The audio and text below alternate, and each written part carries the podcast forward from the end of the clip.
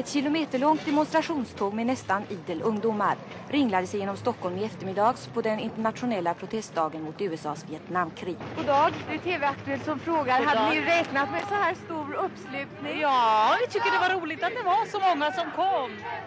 Och att man hade en känsla av att eh, folk bryr sig mer om Vietnam än man ibland kan tro.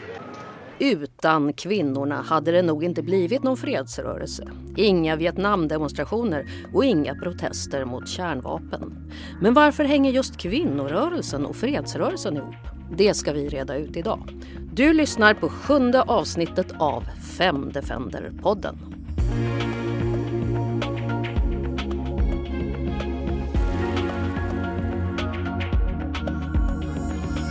Jag minns när jag som 5-6-åring gick i ett demonstrationståg och skanderade USA, ut ur Vietnam. Jag förstod inte vad jag sa men det var spännande på något sätt. Nu var det länge sedan det var någon större fredsmarsch i Sverige. Massprotesterna har flyttat till sociala medier men kvinnorörelsen runt om i världen, speciellt i länder drabbade av krig och konflikt, fortsätter att ha ett starkt fredsengagemang och det här går långt tillbaka i tiden. Välkommen säger jag till vår gäst idag som är Kvinna till kvinnas generalsekreterare Petra Tötterman Andorf. Tack så jättemycket. Och här finns också min poddkollega Klara Backman till vardags påverkansrådgivare. Hej! Ja, kvinnorörelsen och fredsrörelsen har som sagt en lång historia av att hänga ihop. Men hur kommer det här sig? Hur började allt egentligen? Petra? Ja, eh, jag tror att kvinnor har ju under väldigt, väldigt många år inte haft de så kallade officiella positionerna i samhället där man ofta sitter på beslutsfattande eh, rätt. Eh, och då har kvinnor organiserat sig på flera olika sätt. Eh, och ett väldigt starkt sätt har faktiskt i århundraden varit att engagera sig för fred. Och om det har med den närheten till familjelivet eller närheten, starka kopplingen till sina samhällen. Ja, det kan vi låta vara osagt, men vi kan se att kvinnor har engagerat sig. Och personligen så tycker jag ju att den svenska kvinnliga fredshistorien är superspännande och vi har faktiskt en imponerande mängd individer som har engagerat sig eh, för fred. Och då pratar jag alltifrån eh, Alva Myrdal och Inga Thorsson som har varit eh, aktiva i nedrustning. Men vi kan även se längre tillbaka i historien. det var kvinnor... två socialdemokratiska politiker på 1900-talet, Alva Myrdal och Inga Thorsson. Precis, som var väldigt aktiva i den internationella debatten kring Eh, krig och konflikt och nedrustning.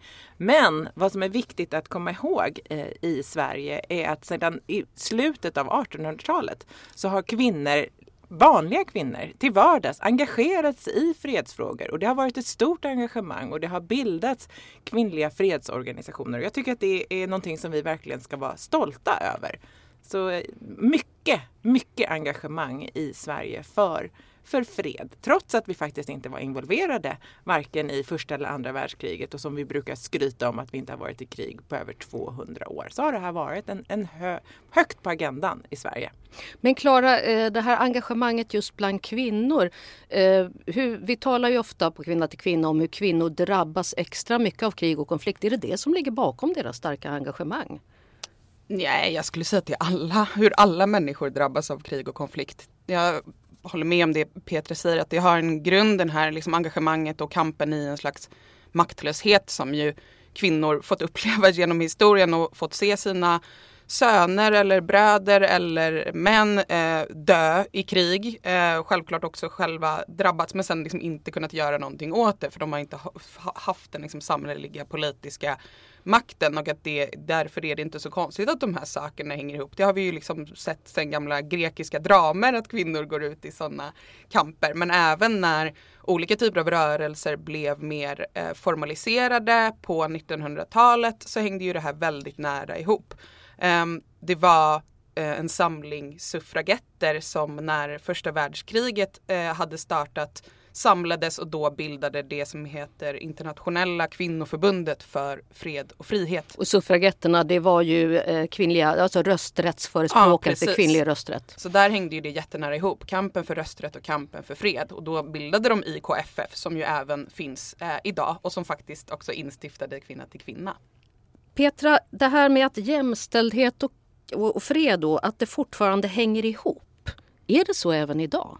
Ja, men det skulle jag absolut säga. Och här har ju då UN Women som är FNs så kallade kvinnoorgan som har till uppgift att se till att alla FNs institutioner har ett genusperspektiv och så också jobba aktivt för kvinnors rättigheter. De har eh, sammanställt forskning på det här och har tittat på 153 länder mellan 1990 och 2019 och ser att det finns ett mycket tydligt samband mellan just militarisering av ett samhälle och eh, ojämställdhet. Och det här sambandet var ännu tydligare i länder med lägre inkomst och lägre nivåer av demokrati. Så det finns många anledningar för kvinnorörelsen att engagera sig både i då frågan om jämställdhet men äh, och att göra länkarna och kopplingarna till fred och säkerhet.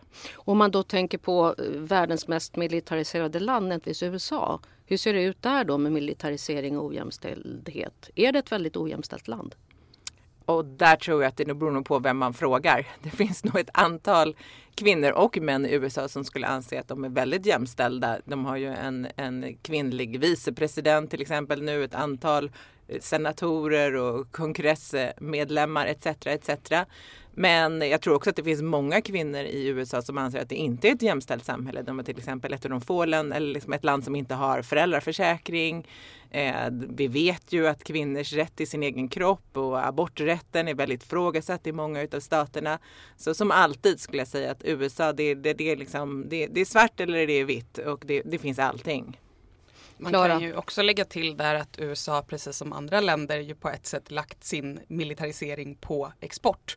Eh, och de följder för både jämställdhet eh, och i stort som de typen av krig som USA har fört de senaste decennierna. De följderna sker ju inte bara i USA utan i de länder där de krigar som i Irak och Afghanistan som ju kanske inte brukar lyftas som exempel på där jämställdheten är särskilt god tyvärr. Nej, jag tror att jag sett siffror på andelen eh, kvinnor det, då i den amerikanska kongressen, alltså USAs parlament. Och de har legat de senaste valen på runt 20 procent. Mm. Så att eh, där är ju då till exempel vissa afrikanska länder långt före vad det handlar om liksom, politisk kvinnorepresentation. Nå, det var en utvikning jag eh, har faktiskt funderat själv över detta om kvinnor är mer fredliga och män mer våldsamma av naturen. Och jag har försökt ta reda på hur det förhåller sig. Och som vanligt när det handlar om skillnader mellan kvinnor och män så finns det väldigt lite forskning på detta. Men på Karolinska institutets hemsida hittade jag en artikel om aggressivitet bland män där en norsk forskare som heter Henning Wäröy säger ungefär så här. Det finns inga belägg för att manligt könshormon gör män mer våldsamma utan att det är den traditionella mansrollen som ligger bakom. Så nu vet vi det. Det betyder alltså att kvinnor inte är mer fredliga än män eller att män är mer våldsamma än kvinnor av naturen. Det här handlar om roller. Är då fredsfrågor fortfarande kvinnofrågor? Ser vi samma starka engagemang bland kvinnor för fred idag? Petra? Om du frågar mig, som ju då har jobbat i kvinnofredsrörelsen i många år, så skulle jag säga ja. Det här är fortfarande en jätteviktig fråga eh, för kvinnor och kvinnors säkerhet. Och jag tänker att vi kommer, vi kommer vi ska ägna hela podden åt att prata vidare om det här om militarisering av samhällen, vad det innebär på individnivå, vad det innebär på strukturnivå. Eh, om det finns ett starkt engagemang i överlag eh, bland för kvinnorörelsen för fred så skulle jag säga att det beror nog väldigt på i vilket land man är. Kvinna till kvinna jobbar ju i 20 länder eh, och i de länderna där vi finns och stödjer kvinnorättsorganisationer så är det några av dem som är jätteengagerade i de här frågorna. Men det är också några som inte väljer att ta, att ha det perspektivet på sitt arbete som fokuserar mer på våld mot kvinnor eller på kvinnors ekonomiska egenmakt och kanske inte gör den analysen eller de länkarna. Men visst är det en jätteviktig fråga och vi ser ju hur krig och konflikt och militarisering påverkar kvinnors säkerhet varje dag och hur våldsnivåerna i länder där det är krig är väldigt, väldigt höga. Vad säger du Klara Backman, är det fortfarande en stor grej för kvinnorörelsen att fundera över fred? Kanske inte lika synlig fråga längre, liksom uppmärksammad fråga trots att den ju är jätte, jätteviktig som Petra säger. Jag tror att det kan också delvis ha att göra med hur den feministiska rörelserna utvecklades under 1900-talet där, när vi liksom, som vi pratade om förut med suffragetternas kamp och sådär, att det var ju också under en tid när eh, våld som skedde i hemmet, det som hände liksom mellan hemmets fyra väggar, det var ingenting som kvinnor kanske kunde gå ut och prata om i samma utsträckning utan det man kunde prata om var liksom det, det samhälleliga våldet, alltså kriget som stater förde. Medan ju med framförallt andra vågens feminism på 70-talet så kom ju parollen det, det privata är politiskt. Eh, och då kunde man börja prata om våld i hemmet på ett annat sätt och då har ju den frågan liksom, ska man säga, seglat upp och blivit liksom en väldigt, väldigt stor eh, feministisk fråga idag med all rätt. Men man ska också komma ihåg att med konflikt i samhället så ökar också våldet mot kvinnor. Eh, det ser vi överallt där krig sker, att då, då ökar också det, det, det våldet i hemmet. Det var väl så kanske också att på 70-talet så fanns det ett starkt samhälleligt engagemang överlag för fred och framförallt eh, att man ägnade eh, engagemang, tid och kraft eh, åt konflikter i andra länder. Det var Vietnam framförallt som var ett av de stora krigen.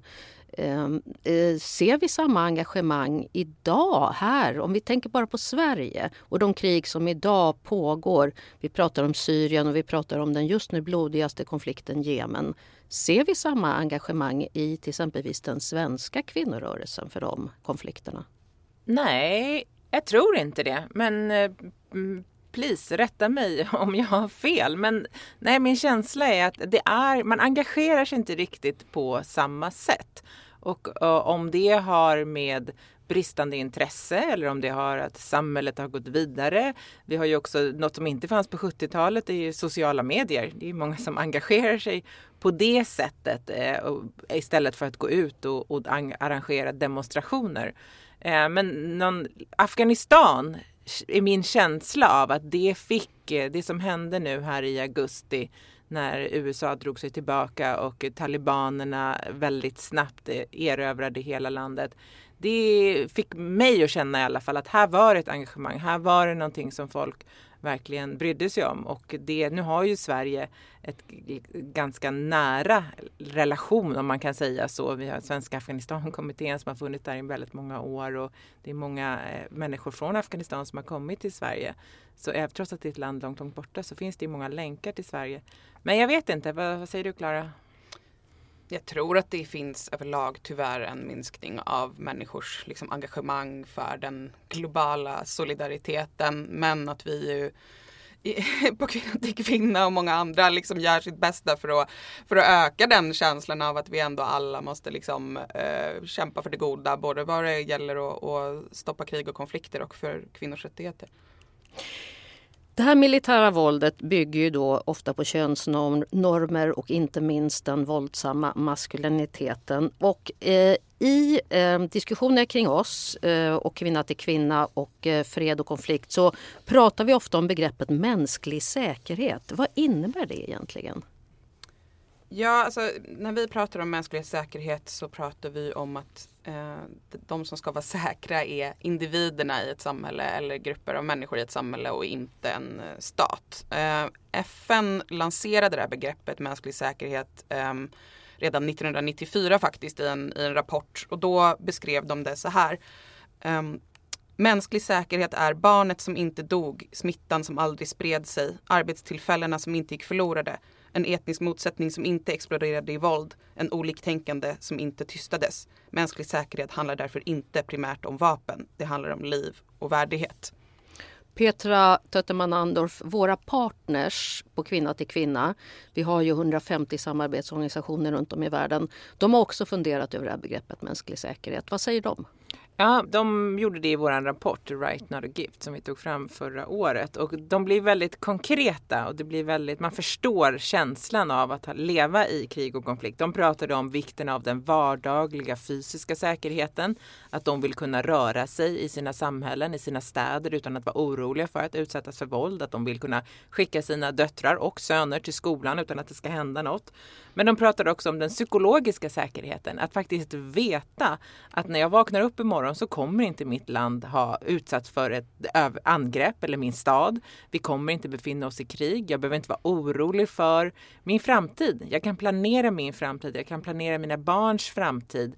Vi kommer inte behöva bege oss på flykt igen eller behöva lämna det här temporära boendet. Utan, så det är på så många nivåer. Sen är det ju självklart handlar om att kunna ha den ekonomiska säkerheten, tryggheten i att ha ett jobb, att man kan lita på de statliga institutionerna. Så många av de här nivåerna. Men jag tyckte att det som verkligen som så här, jag känner med den här konstanta oron som man lever i, i ett, oavsett om det är efter en konflikt eller under en konflikt eller i en så kallad frusen konflikt som flera av våra partners lever i. Där man liksom inte, det har inte blivit en fred i samhället men konflikten är inte heller väldigt aktiv. Nej, som till exempel Nagorno-Karabach är ju en sån frusen konflikt. Ja, precis. Som blev väldigt aktiv förra året men som har varit då frusen under många, många år. Och den stressen måste ju vara hemsk att leva med. Att faktiskt inte veta vilken framtid dina barn kommer att få. Vilken framtid du själv har. Kommer din man, din bror, din pappa bli inkallad till armén?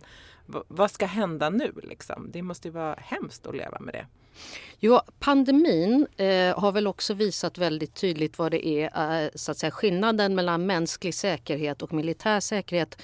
Nu har 800 000 amerikaner dött i covid-19 och det är alltså dubbelt så många mot de amerikanska soldater som dog under andra världskriget, 400 000. Så det här är väl ett exempel, Klara? Ja, jag tror att det kanske var många av oss när vi såg vilka enorma konsekvenser pandemin skulle få som trodde att det skulle bli mer av en väckarklocka för världen vad som gör oss säkra som människor och vad som inte gör oss säkra. Eh, det är inte militär kapacitet som kommer liksom rädda oss från de som är de egentliga kriserna och säkerhetshoten. Eh, men det blev ju inte så. Eh, under 2020 så, det var ju liksom ett Eh, ja, absurt år och hela världsekonomin var ju nära kollaps och minskade ju för första gången på jag vet inte hur länge. Eh, hela liksom den globala ekonomin minskade men ändå valde ju eh, världen och många länder att spendera mer pengar på vapen än någonsin. Eh, många, många miljarder, tusen miljarder som man valde att lägga på vapen trots att som du sa, många, många män, fler människor dog ju i, på liksom intensivvårdsavdelningarna. Men varför? Vet man det? Alltså, eh, framkallar då pandemin någon extra oro även hos de som då ansvarar för den militära säkerheten i länder? Ja, det tror jag. Jag tror att det är absolut att man rustar upp när man känner en osäkerhet i världen. Men det är väl vi ifrågasätter det om den upprustningen leder till en verklig säkerhet eller inte. Men jag tänker, det är ju inte bara pandemin som pågick och pågår. Det finns ju många andra spänningar i världen också, de så kallade geopolitiska emellan stormakter som Ryssland, Kina, eh, USA, Europa, om man nu vill kalla Europa för en stormakt eller inte.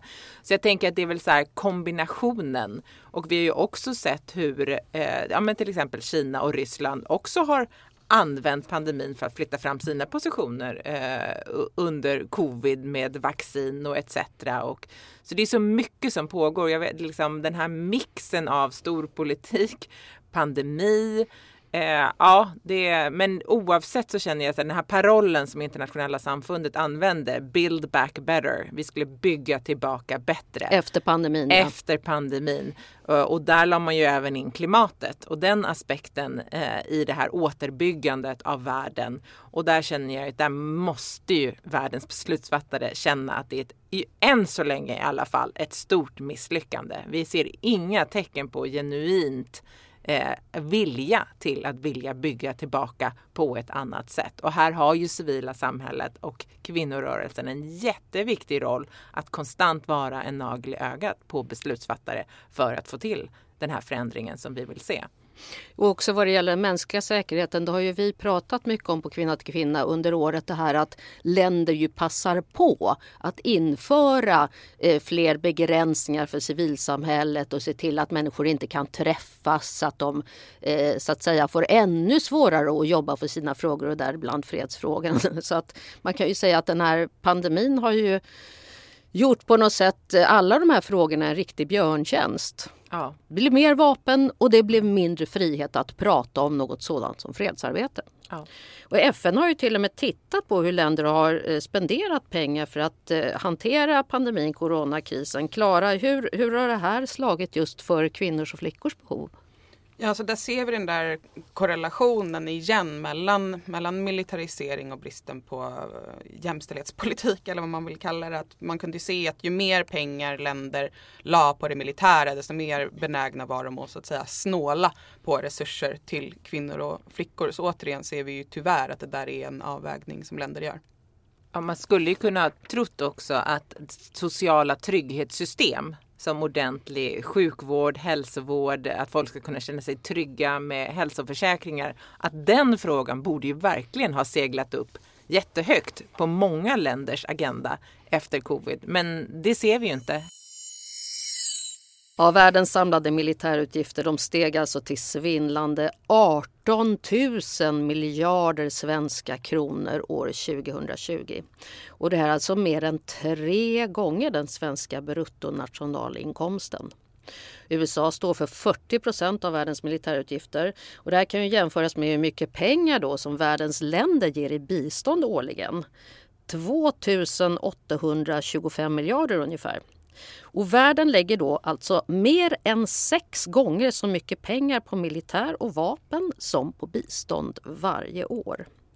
Men är det så fel av länder att också vilja investera i sin militära säkerhet? Historiskt har vi ju sett att ett starkt försvar kan vara nödvändigt för länder som ska avvärja och nedkämpa en angripare. Till exempelvis när man nedkämpade Tyskland under andra världskriget. Petra?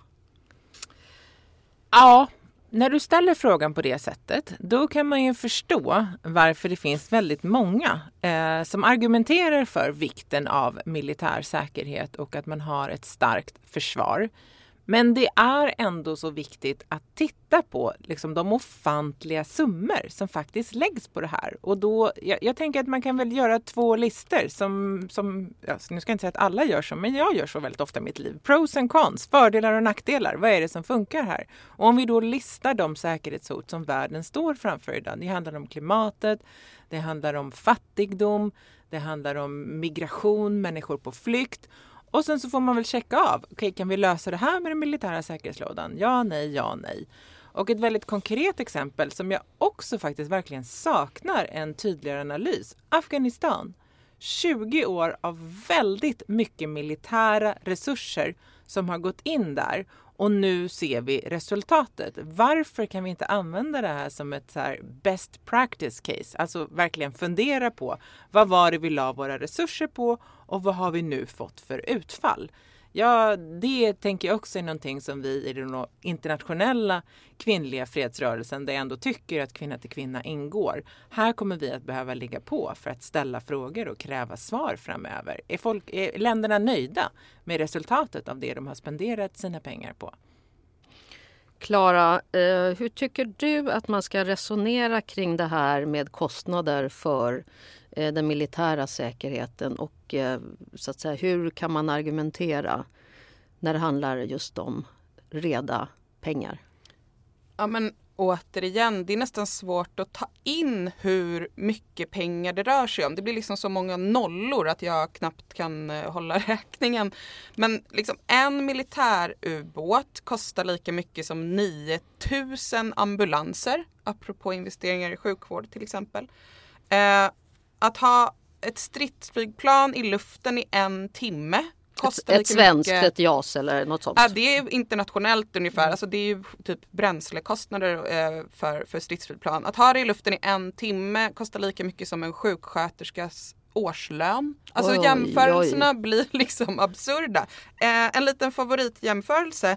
Eh, att den, och det här är en uträkning som Internationella kvinnoförbundet för fred och frihet gjorde för, för, några år sedan. Att hela, i princip hela den globala feministiska rörelsen, de räknade ihop årsbudgetarna för 740 olika kvinnoorganisationer runt om i världen. Den samlade budgeten för dem är ungefär lika mycket som ett stridsflygplan.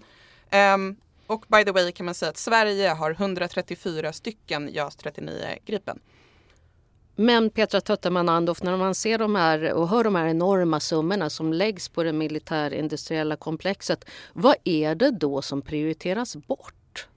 Men jag skulle säga att det är egentligen alla de saker vi pratade om när vi pratade om mänsklig säkerhet. Det är de som prioriteras bort.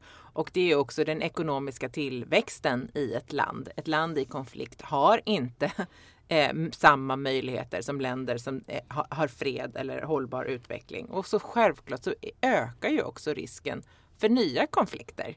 Eh, ju mer du satsar på att rusta militärt, desto mer utgör du ett hot mot andra aktörer som skulle kunna känna sig hotade av din, din höga nivå. Liksom. Och Klara, det finns ju siffror på här med vilka summor av de militära utgifterna man skulle kunna lösa vissa av världens stora problem. Mm. Att helt eh, alltså utrota extrem fattigdom och svält runt om i världen det skulle kosta ungefär 13 procent av det vi årligen lägger på militära utgifter idag. Eh, om man till exempel har, har, eh, kan tänka på Musikhjälpen som just nu samlar in pengar eh, för att barn inte ska arbeta. Eh, att säkra skolgången för alla världens barn, det skulle kosta 6 procent av det vi lägger på vapen idag globalt. Eh, så det är ju liksom svindlande jämförelser igen. Men är det inte så konstigt att länder vill garantera sin militära säkerhet först innan de gör någonting annat? Att det är prio ett för dem? Petra? Alltså, det är ju inte konstigt idag eftersom vi alla så starkt lever i det här narrativet att det militära är som en självklarhet. Att vi inte ifrågasätter det på något sätt. Att det är det sättet som vi hanterar nationers säkerhet och även då som enligt det här narrativet människors säkerhet. Och vi citerar ju och refererar väldigt mycket till internationella kvinnoförbundet för fred och frihet här idag. Och det är ju för att de har ju faktiskt varit på den här bollen i över hundra år, sedan 1915, när de började ifrågasätta militariseringen av världen under brinnande första världskrig. Men de har också ett citat som går någonting liknande som att it will be a great day when the military has to hold a bake sale to buy a bomber and schools get all the money they need. Och jag tycker att den sätter så otroligt liksom fingret på vad problemet är här.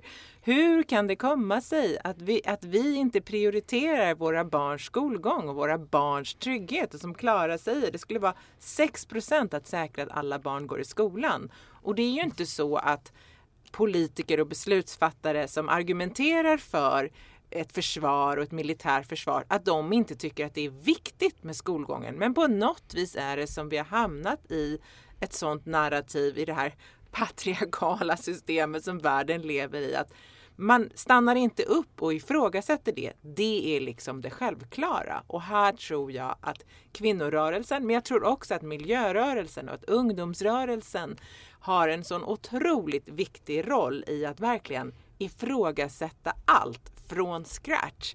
Vi vill inte bara liksom göra krig säkra för kvinnor. Vi vill stoppa krig. Vi vill nedrusta och nedmontera. Och den dialogen känns det som att vi väldigt, väldigt sällan kommer till i det politiska samtalet. Jo, I den internationella diskussionen eh, så är man ju någonstans eh, överens om att det är ju faktiskt miljöhotet som är en av de allra största säkerhetsriskerna idag. Men när konflikten står för dörren då så väljer man ju ändå lägga pengarna på vapen och militär. Men, men hur, vad kan man säga här nu om eh, till exempelvis mil, miljökrisen och de säkerhetsproblemen som kommer uppstå? Men det är det som är så paradoxalt. Alltså precis som Petra säger att alla vet om det och ändå kan vi inte göra saker liksom annorlunda. Att um, klimatkrisen är liksom vår tids stora utmaning. Det är det ju inte bara vi, liksom kvinnorörelsen, fredsrörelsen, eller miljörörelsen som säger. Det säger NATOs generalsekreterare Jens Stoltenberg. Så hur, hur kommer vi liksom loss från det här? Uh, sen kopplingarna mellan um, militarisering och klimatkris tycker jag är, är intressant på flera sätt. En aspekt är ju hur stor, alltså direkt miljöbov som faktiskt eh, vapenindustrin eh, är. Um, det här publicerade till exempel um, Svenska Freds och skiljedomsföreningen eh, en rapport om eh, förra året som var väldigt intressant som visade att Försvarsmaktens eh, utsläpp från transporter i Sverige det motsvarar en tredjedel av utsläppen eh, från inrikesflyg i Sverige. Så samtidigt som vi är en massa individer som ska känna flygskam och försöka göra saker annorlunda så har vi liksom en aktör som står för en tredjedel av utsläppen. Men man vet heller inte exakt hur mycket som Försvarsmakten släpper ut för det är ju liksom sekretessbelagda uppgifter vilket också är intressant. Um, globalt sett så är uh, vapenindustrin och militären en av de allra största miljöbovarna. Släpper ut mer än många, många, många länder gör faktiskt. Um, så det är ju bara en aspekt. Och ändå så klagar den svenska försvarsmakten över att de inte har tillräckligt med pengar för att flyga så mycket de vill med sina JAS-plan. Men eh, Petra, vapnen som alla de här pengarna betalar då, vad får det här för konsekvenser på samhälls och individnivå? Ja, man har ju pratat ganska mycket på samhällsnivå tänker jag. Liksom, vad är det då för investeringar som inte görs i samhällen när man lägger mycket pengar på militären. Eller ja, vad, vad, skulle man kunna göra för de pengar som läggs? Men om vi tittar lite på eh, individnivå och liksom vad det har för påverkan så att leva i, liksom, i en aktiv konflikt har ju självklart, eh, jag tror att det är ganska lätt att föreställa sig konsekvenserna utav eh, ett väldigt militariserat samhälle och att det pågår ett krig och det finns beväpnade styrkor som, som rör sig i ditt samhälle. Men vi ser ju det även i samhällen som lever så kallat i fred. Liksom vi ser det i Europa, vi ser det i Sverige, vi ser det i USA, vi ser det i, i Latin och Sydamerika där det finns många så kallade små och lätta vapen. Handelsvapen, saker ett litet vapen, en pistol du kan ha i fickan. Det har ju också otroliga säkerhetskonsekvenser för, för kvinnor, eh, för barn. Liksom, vad, vad blir resultatet av att en person i familjen, och det är ju väldigt ofta män, har en pistol? Vad gör det för maktdynamiken och för din möjlighet att lämna ett våldsamt förhållande? Och det är också viktigt, vi pratar jättemycket om det här att ha ett genusperspektiv på säkerhetspolitiken. Och då måste man ju titta på konsekvenserna både för kvinnor och män. Och det är ju inget snack om, här är ju siffrorna väldigt tydliga, att de som framför allt drabbas av vapenvåldet, det är ju män. Det är unga män. Det är de som framför allt blir dödade. Men det är jätte, jätteviktigt och det här har våra partners bland annat i Israel. De har haft en kampanj som kallades för Gun Free Kitchen Table, pistolfria köksbord. Så där de jobbade aktivt för att man inte skulle få ta med sig sin pistol hem om man till exempel var säkerhetsvakt eller någonting. För att det var sån, fick sådana allvarliga säkerhetshot för familjen när någon har en pistol, någon har ett vapen hemma. Ja, du nämnde Sverige där tidigare också så tänkte jag så här, men vänta nu Sverige, men så kom jag ju på att det är ju vapen från den gamla konflikten på Balkan som eh, används i eh, skjutningar i en svensk gängmiljö så även där finns det ju en koppling. Men eh, svensk vapenexport idag då? Eh, är det något som den globala kvinnorörelsen ska bry sig om? Lilla Sverige? Ja, man kan ju tänka att det är lilla Sverige, men vi är inte så små när det kommer till vapenexporten tyvärr. Eh, Sverige är världens femtonde största vapenexportör i reella tal och vi är ju inte ett särskilt stort land så det är tyvärr Um, det är duktigt att ligga på plats 15 eh, bland världens 200 länder. Mm, um, precis. Uh, där finns ju, vi har pratat, lite, vi har pratat mycket om paradoxer idag.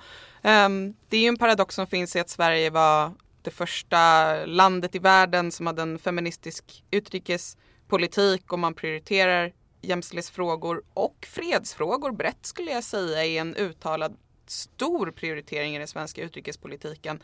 Ehm, men där man också är en jättestor vapenexportör. Mm. Och paradoxalt också så har ju Sverige som jag nämnde i början haft ett antal kvinnliga nedrustningsambassadörer.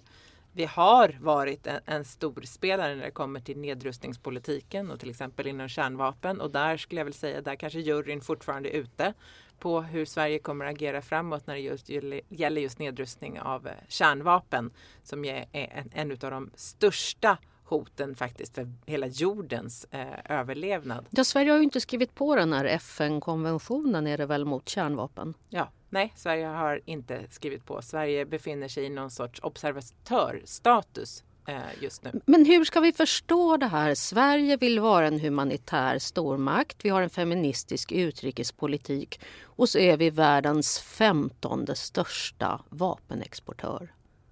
Är det någon av oss som kan svara på hur det här går ihop. Nej men det är svårt att förstå. Jag har inget svar på riktigt hur det går ihop. Men det har väl lite att göra med det här som vi pratade om förut. Om att liksom svårigheten att föreställa sig att en annan värld är möjlig. Att liksom att lägga ner vapnen. Det är tydligen så pass svårt. Men jag tänker också att så här, det är lätt att tänka att den här paradoxen som vi pratade om att det blir liksom lite abstrakt och filosofiskt. Men det här är ju också väldigt, väldigt konkret. Hela hösten 2021 har ju präglades ju svensk utrikespolitik av att prata om att vi måste rädda eh, kvinnorättsförsvarare ut från Afghanistan. Och Sverige har gjort ett enormt intensivt arbete med att evakuera kvinnorättsförsvarare. Vad är de då hotade av i Afghanistan? Jo, av talibaner beväpnade till ganska stor del med pakistanska vapen. Och Pakistan ligger på topplistan över länder som Sverige exporterar vapen till. Det är liksom inte så, eh, ja det är en ganska tydlig kedja här som vi har att göra med tyvärr. Hur eh, klarar Sverige av Petra att alltid då som förespråkarna antagligen säger kunna hålla två tankar i huvudet samtidigt? Vi arbetar för fred och nedrustning på ett plan och sen så har vi en väldigt stark vapenexport som också försvaras med de här argumenten. Det är svenska arbetstillfällen, det är svensk industri och vi måste också hålla igång en försvarsindustri för vår egen skull. För att vårt svenska försvar då ska ha tillgång till högteknologiska vapen. Jag vet faktiskt inte eh, hur det går ihop. Eh, det är väl det här, ja, eh, kanske där man måste kunna ha två saker i huvudet samtidigt. Eh, och det verkar ju svenska politiker ha haft under en väldigt lång tid. Eh, men oavsett så tänker jag så här, som jag sa tidigare också så här, varför har vi inte de här samtalen? Varför pratar vi inte mer om de här frågorna? Så det skulle jag verkligen, och där som sagt vi i civilsamhället, det, det är ju vår roll att ligga på och ställa de här obekväma frågorna. Eh, och Sverige är inte det enda landet i världen som befinner sig i en sån här eh, situation. Men eh, vi, det betyder inte att vi inte måste prata om det. För det här det är inte hållbart och det, ja, nej, det är inte okej okay, helt enkelt. Ja, med denna obesvarade 10 000 kronors fråga så tänkte jag att vi skulle börja avrunda dagens podd med att utse månadens feminist eller antifeminist. Okej, vem vill börja idag då? Klara Backman, ska du köra din? Ja, månadens antifeminist för mig eh, är tidningen Expressen som vi eh, den här veckan har hört har sparkat en journalist för att hon har eh, larmat om problem med misogyn kultur och sexuella övergrepp i, som hon gjorde då i en anonym intervju i en annan tidning. Tyvärr känns det här som ett, ännu ett exempel på hur vi befinner oss i någon slags metoo backlash eller kanske egentligen då att metoo alltså skapade inte den förändring som vi alla hade hoppats på utan sexism och trakasserier på arbetsplatser det tystas fortfarande ner och kvinnorna som larmar om det eh, utmålas som någon slags bråkstakar och eh, blir av med jobbet. Petra?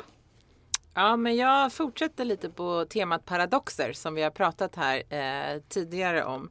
Eh, och då läste jag två ganska långa reportage förra veckan. En i DN och en i Dagens Industri. Och det första var med Barbara Bergström, miljardär och grundare till Internationella Engelska Skolan. Och den andra var i, eh, Peggy Bruselius, styrelseproffs. Hon har haft vd-roller och höga positioner i ett antal stora svenska klassiska företag som ABB och SE-banken. Båda de här kvinnorna är födda på 40-talet. De är alltså 70 plus nu. De är fortfarande väldigt aktiva. Och på sätt och vis när jag läste de artiklarna så kände jag så här, ja men det här är ju liksom 101 i feminism. De har eh, inflytelserika positioner i samhället, de har skapat sig en ekonomisk egenmakt, de har garanterat krossat glastak på vägen. De är förebilder i att vara starka äldre kvinnor som fortfarande har makt. Men samtidigt när jag satt och läste de här intervjuerna, så med mina feministiska glasögon, så blev jag ju, att säga att jag chockad är att överdriva, men visst höjde jag på ögonbrynen och det är jag ju inte den enda som har gjort det. Jag har skrivit ganska många kröniker. Mm. Eh, om hur de agerar, hur de resonerar, hur eh, Barbara Bergström i skolan säger att hon vill anmäla eh, en kvinn, eller hon ska anmäla en kvinnlig student till rektorn för att hon har en för urringad tröja och hur Peggy kallar föräldraförsäkringen för en kvinnofälla och är så emot kvotering. Och jag tycker att det är så intressant hur kvinnorörelsen, vi pratar ju väldigt ofta om det, av vikten av en diversifiering. Och jag kan ju inte veta, men jag är ganska säker på att varken Barbara eller Peggy skulle känna sig som en del av kvinnorörelsen. Jag är inte ens säker på att de skulle kalla sig för feminister. Men de har ju oavsett gått före på många sätt. Liksom, de föddes på 40-talet. Det är många år där de har kämpat i motvind. Men samtidigt så agerar de Ja, eh, lite som, eh, som förespråkare för patriarkatet. ja, det var... men det är väl inget som säger att man, man blir feminist automatiskt bara för att man är en framgångsrik kvinna. Alltså, så att säga, det är, så här, är feminism handlingarna eller är det tankarna? Är det ideologin? Det är också, känns som att det skulle vara en podd bara i sig. Men jag också så här, är det verkligen feministiskt att torka händerna på liksom fotografens Nej. skjorta det, som det hon den där Barbara Bergström gör? Det är det ju inte. Men sam, och, det, och, då kände jag ju väldigt starkt så här, men herregud, det här är ju inte okej. Så här kan man inte bete sig. Men samtidigt så kan jag ju inte ignorera de strider som de här kvinnorna har tagit. Eh, liksom i många år för, eh, för att vara Eh, ledare i samhället. Men ja, så det, ja, det var bara en, en paradox som snurrade i mitt huvud eh, emellan feminism och antifeminism, om man säger så. Ja, jag har ju då för att anknyta till dagens ämne om eh, militarism eh, utsett faktiskt den svenska försvarsmakten och deras julgransflygningar till en antifeministisk handling. Har ni hört talas om de här jul julgransflygningarna? Nej. Det är alltså så att Försvarsmakten eh, då flyger över Sverige i julgransformation med JAS 39 Gripen. Mm. Eh, och eh, Försvarsmakten försvarar det här då eh, att de behöver träna på att flyga som en julgran då. då eller? och de här julgransflygningarna äger rum eh, i december, mitten på december varje år och då flyger man över Syd och Mellansverige och visar upp sig då man flyger över Göteborg Inget Stockholm. Inget julstämning som lite stridsflygplan. Exakt, på låg höjd helt mm. enkelt. Ja, det, ehm, de, de, kommer faktiskt till Stockholm imorgon den 16 december. Nåja, eh, enligt Försvarsmakten då så flyger 11 plan och då har jag räknat ut att de är i luften motsvarande 63 flygtimmar och då motsvarar då alltså detta 63 årslöner för en sjuksköterska, vilket vi pratade om tidigare i podden vad det kostar. Och mitt tips till Försvarsmakten är kanske att nästa år sponsra Sveriges regioner med lite sjuksköterskor istället mm. och ställa in sin julgran i luften. Mm. Skapa lite riktig julstämning istället. Tack till Petra Tötterman Andorf och Klara Backman. Själv heter jag Anna-Karin Hall och med det sätter vi punkt för årets sista avsnitt. Men vi är tillbaka i slutet av januari igen. Och ett gott nytt feministiskt år till er alla från oss på Kvinna till Kvinna.